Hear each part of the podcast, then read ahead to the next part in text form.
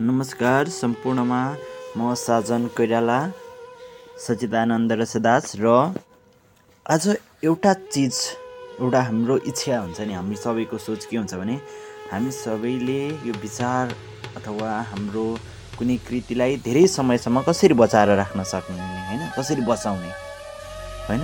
हरेक चिजलाई कसरी चाहिँ सुरक्षित राख्न सकिन्छ? चाहे त्यो लेख हुनसक्छ कुनै विवरण हुनसक्छ यही बारेमा छ। र तपाईँले यस अडियोलाई ओम सर्वे भन्तु सुखिन पोडकास्टमा र मेरो YouTube channel invest your eight मिनटमा सुनेर हेर्न सक्नुहुन्छ। र एउटा कुरा स्पष्ट पार्न के चाहन्छु भन्दाखेरि जुन मेरो विचार हुन्छ सबै विचार भनेको द्रष्टा हुन्छ क्या। विचारमा सूक्ष्म संयमबाट होइन मन्त्र द्रष्टा बन्न सकिन्छ। हरेक मन्त्र लाई देख्न सकिन्छ कि? कसरी? जब हामी त्यो विचारमा चाहिँ संयम गर्छौँ होइन? जब हामी कुनै आफूमा चलिरहने विचारमा जब हामी संयम गर्छौँ र त्यसलाई त्यो चलिरहने एकदम विचारहरूलाई ख्याल गर्दाखेरि त्यहाँ धेरै विचार हुन्छ र त्यो विचारमा संयम गरेर हेरेपछि हामी त्यो विचारलाई बुझ्न सक्छौँ। होइन? आदिगुरु शङ्कराचार्यले यही विचारको आधारमा होइन? आफू अविवाहित हुँदा हुँदै पनि एउटा विवाहितको विचारलाई बुझ्न सक्नुभएको थियो। होइन? हामी आजभोलि धेरै चिज बुझेका हुन्छौँ। होइन? त्यही बारेमा छ आजको। जसरी एउटा समुद्र मन्थन हुन्छ त हामीलाई थाहा छ समुद्र मन्थनको कथा हामीले धेरै सुनेका छौँ होइन? समुद्र मन्थनमा के हुन्छ? समुद्र मन्थन गरिन्छ अनि त्यहाँबाट विभिन्न चिजहरू निस्किन्छ होइन? राम्रा नराम्रा होइन?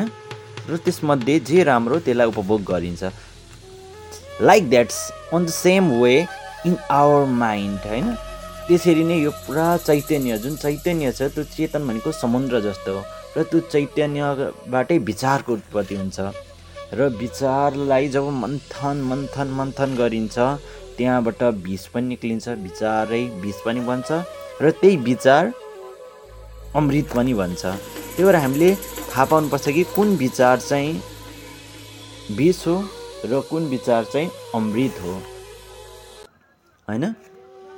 हामीले त्यही विचारलाई हेर्न सक्नुपर्छ। आदिगुरु शङ्कराचार्यको प्रसङ्ग ल्याएँ मैले। A brief history of time र बारेमा a brief history of time Stephen हकिङको a brief history of time हामीले धेरै सुनिसकेका छौँ होइन? पढ्नु पनि भएको होला। यसमा यसबाट पनि एउटा विभिन्न चैतन्य कुराहरू बुझ्न सकिन्छ। होइन? जस जस्तै समुद्र मन्थनबाट निक्लिन्छ त्यही भएर योगमा एउटा सूत्र छ क्या। योग भनेको योग चित्त वृत्ति निरोध जब चाहिँ हामीमा चलिरहने विचारको चित्त चाहिँ निरोध हुन्छ त्यही नै योग हो। भनेपछि विचारमा जब हामी संयम गर्छौँ सूक्ष्म संयमबाट हामी मन्त्र द्रष्टा बन्न सक्छौँ। त्यस्ता मन्त्र द्रष्टा ऋषिहरू टन्नै छन् होइन? जसलाई मैले आफ्नो आदर्श बनाएको छु। भगवान् कृष्ण हुनुभयो गौराङ्ग महाप्रभु कृपालुजी महाराज प्रभुपाद एलपी भानु शर्मा सन्दीप महेश्वरी होइन? डाक्टर योगी स्वामी मुकुन्द त्यस्तै हामीले चिनेका विभिन्न योगीहरू पनि हुनुहुन्छ जस्तै योगानन्द परमहंस जसको डाक अटोबायोग्राफी अफ योगी भन्ने हामीले पढेको पनि होलाौँ त्यस्तै नेपालको प्रसङ्गमा शिवपुरी बाबा हुनुहुन्थ्यो गोविन्दानन्द भारती भनिन्छ जसलाई खप्तड स्वामी अथवा सचिदानन्द सरस्वती भनिन्छ जसलाई स्वरोदारी महाप्रभु यस्ता विभिन्न व्यक्तित्वहरू हुनुहुन्छ महा ऋषि हुनुहुन्छ महर्षिहरू हुनुहुन्छ जसले चाहिँ विचारलाई कसरी चाहिँ बुझ्ने भनेर भन्नुभएको छ। आज यही प्रसङ्गबाट चाहिँ हामी बुझ्न सक्छौँ कि हाम्रो विचारलाई कसरी चाहिँ जीवित राख्न सकिन्छ। भन्ने बारेमा छ। होइन? हाम्रो विचारलाई कसरी जीवित राख्न सकिन्छ भन्ने कुरो जस्तै हाम्रो कृति वा विचारलाई कसरी अमर राख्ने भन्ने प्रश्न छ होइन? हाम्रो विचार वा कृतिलाई कसरी अमर राख्न सकिन्छ भन्दाखेरि यसको बारेमा हामीले अचिन्त्य भेदाभेद बुझ्नुपर्छ। त्यसो भए प्रश्न आउला अचिन्त्य भेदाभेद के हो? अचिन्त्य भेदाभेद र स्टिफेन हकिङले जुन quantum a brief history of टाइममा जुन क्वान्टमको अवधारणाको बारेमा पनि भन्नुभएको छ।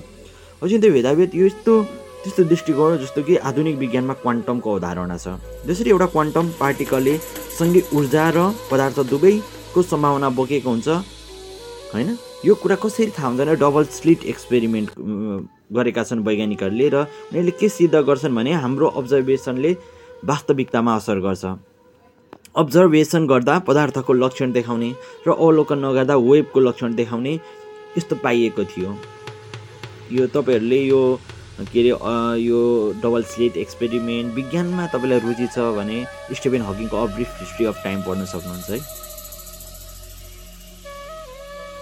यस जगतमा ऊर्जा र पदार्थ फरक होइनन् होइन? हामीले जब विज्ञानको विद्यार्थी हुनुहुन्छ अथवा कुनैमा संयम गरेर तपाईँले हेर्नुहुन्छ तब के पाउनुहुन्छ भन्दाखेरि जगतमा ऊर्जा र पदार्थ फरक होइनन् मात्र अब्जर्भेसन अनुरूप फरक फरक देखिन्छन्। चिन्तन गर्दा कि भेद रहन्छ कि अभेद रहन्छ तर अचिन्त्य अवस्थामा सधैँ भेदाभेद रहन्छ।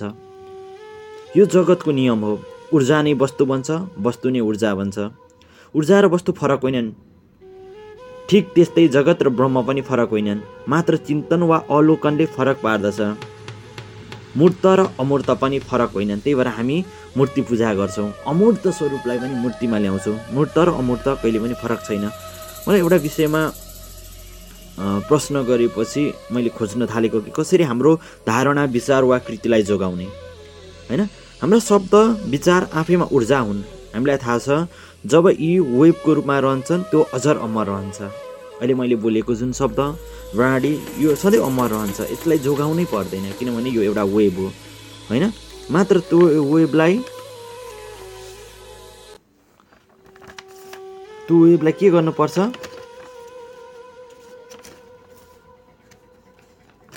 त्यो वेबलाई बुझ्ने मेसिन चाहिन्छ होइन?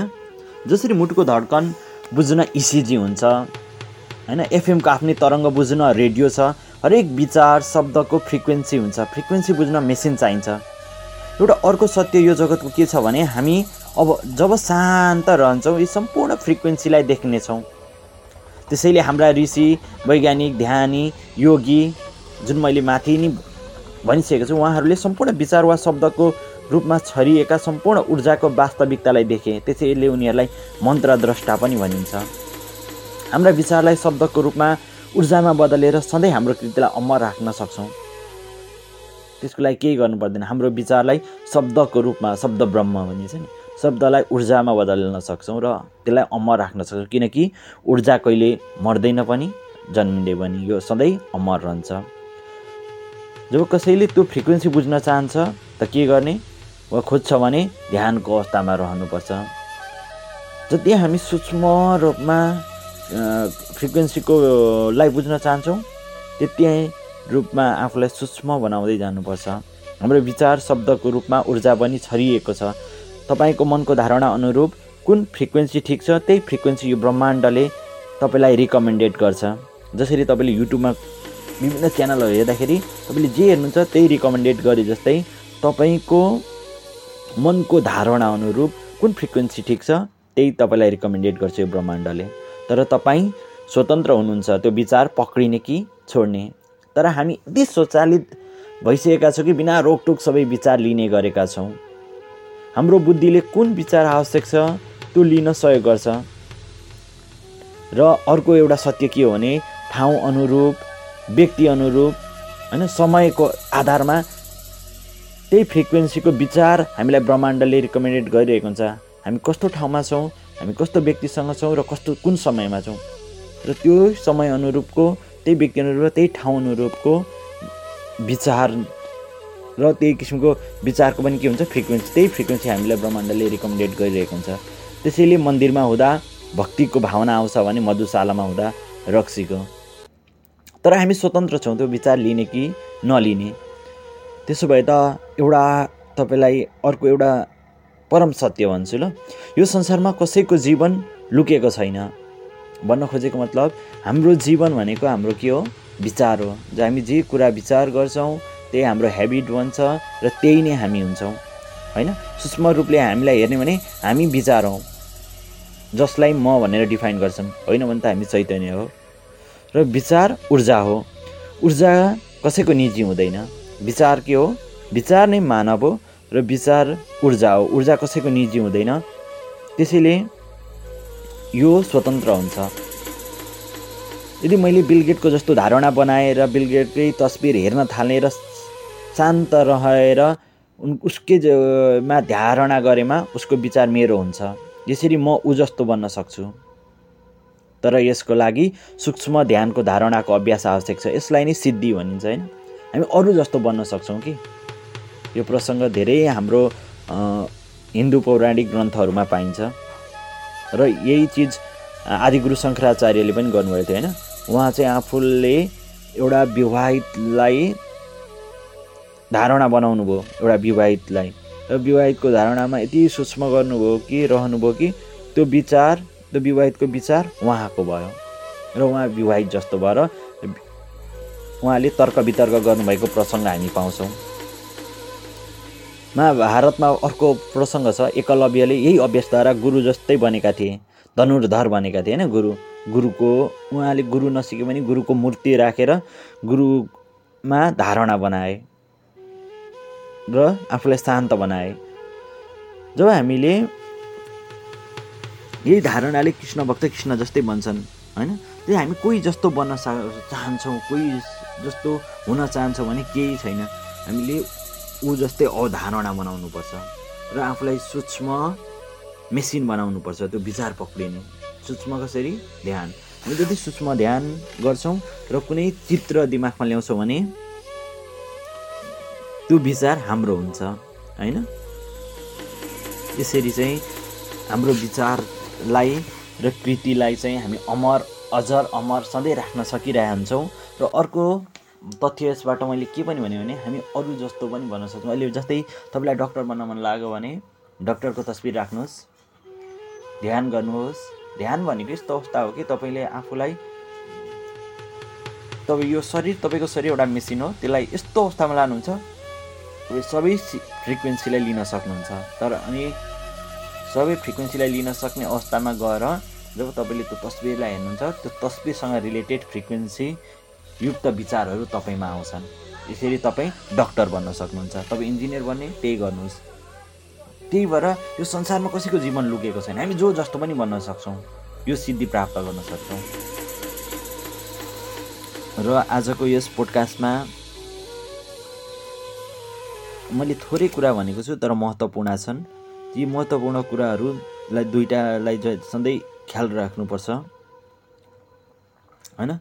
र यही कुराहरूलाई हाम्रा ऋषिमुनिहरूले भन्नुभएको छ र उहाँहरूले हाम्रो जीवनको लक्ष्य जस्तो हो त्यस्तो किसिमको विचारलाई हामीले पक्रिन सक्नुपर्छ र तिन यो संसारमा आफ्नो चैतन्य स्वरूपमा रहेर खुसी र आनन्दित भएर बाँच्नु हाम्रो लक्ष्य हो र यसलाई छर्नु नै हाम्रो लक्ष्य हो।